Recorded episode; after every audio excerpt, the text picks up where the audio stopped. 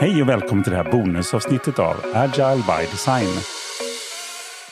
Om du lyssnar på vårt förra avsnitt när vi träffade Eva Hambolt så kanske du märker att det liksom bubblar över av tankar i våra huvuden i slutet av avsnittet.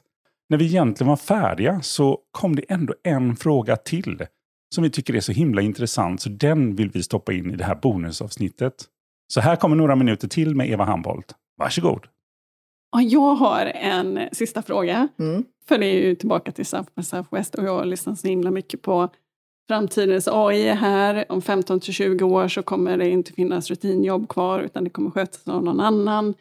Och det kommer så mycket ny teknologi och då um, finns det något som heter neurotechnology där de jobbar med, och jag lyssnar på en föreläsning där det verkligen är så att de tar fram Ja, ett exempel var en prototyp som de håller på att jobba på där du sätter på dig ett par, ser ut som hörlurar, men som egentligen mäter din hjärna.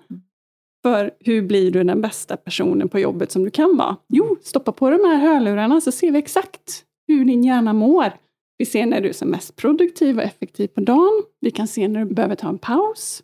Mycket baserat på väldigt bra liksom data som säger att om du jobbar nonstop utan en break så är du inte vidare effektiv, du gör inget bra jobb.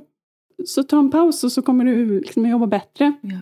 Samtidigt som man känner, oh, tänk ett företag som får ta på en sån här hörlur och så kräver då att man ska behöva ha på sig dem för att man ska visa att man jobbar. Ja, Jag vet inte. Så vad, vad är dina tankar kring neurotechnology? Jag tänker att det blir etiskt viktigt i användandet av det med ett syfte.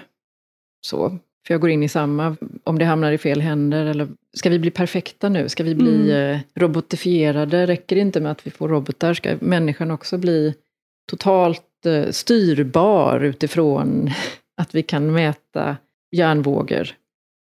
Och sen tänker jag, faran med det, det är ju att vi slutar lyssna på oss själva.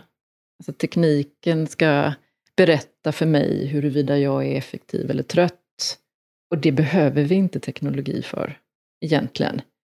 Och faran med det är ju att den plastiska hjärnan, principen bakom neuroplasticitet är ju använd den eller förlora den. Alltså använd de nervbanorna, tänk den tanken många gånger, eller den, den faller i träda. Så om jag slutar använda mina, min kapacitet till att känna efter hur jag mår, om jag är trött, om jag känner mig, nu är jag i flow, så tappar vi ju de förmågorna dessutom. Och vad händer med oss då?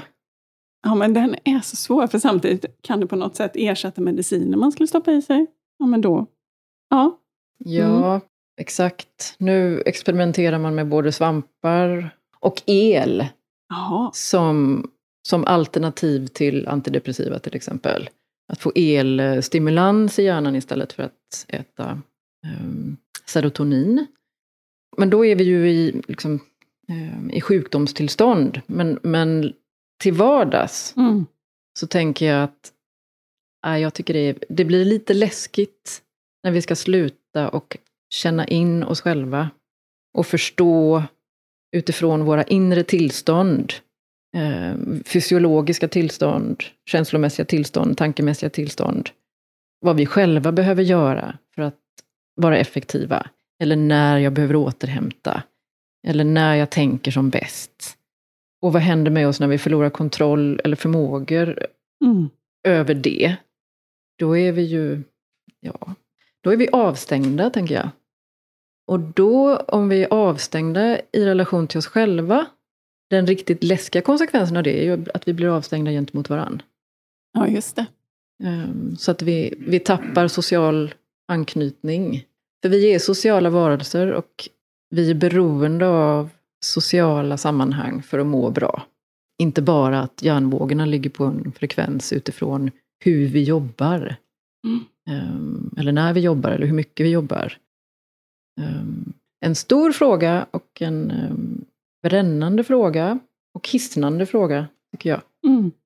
Och etisk. Ja, det är så... eh, Ja, det är spännande tider vi lever i, men samtidigt så...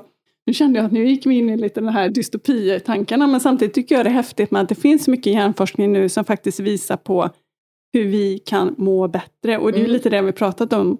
Liksom, hur skapar vi psyk eller tillit i team? För vi mår bra av det. Då Mm. kan vi vara vårt bästa jag. Ja. vi faktiskt kan se och, och ha liksom faktan bakom det. Och det är lite det du berättat om, så superintressant. Sådär, det där var vårt bonusavsnitt med Eva Hamboldt. Om du vill veta mer om henne eller nå Eva så finns hon på neuroledarskapipraktiken.se. Och vill du nå mig och Anna-Maria så finns vi på annfriends.se. Vi hörs snart igen. Hej då!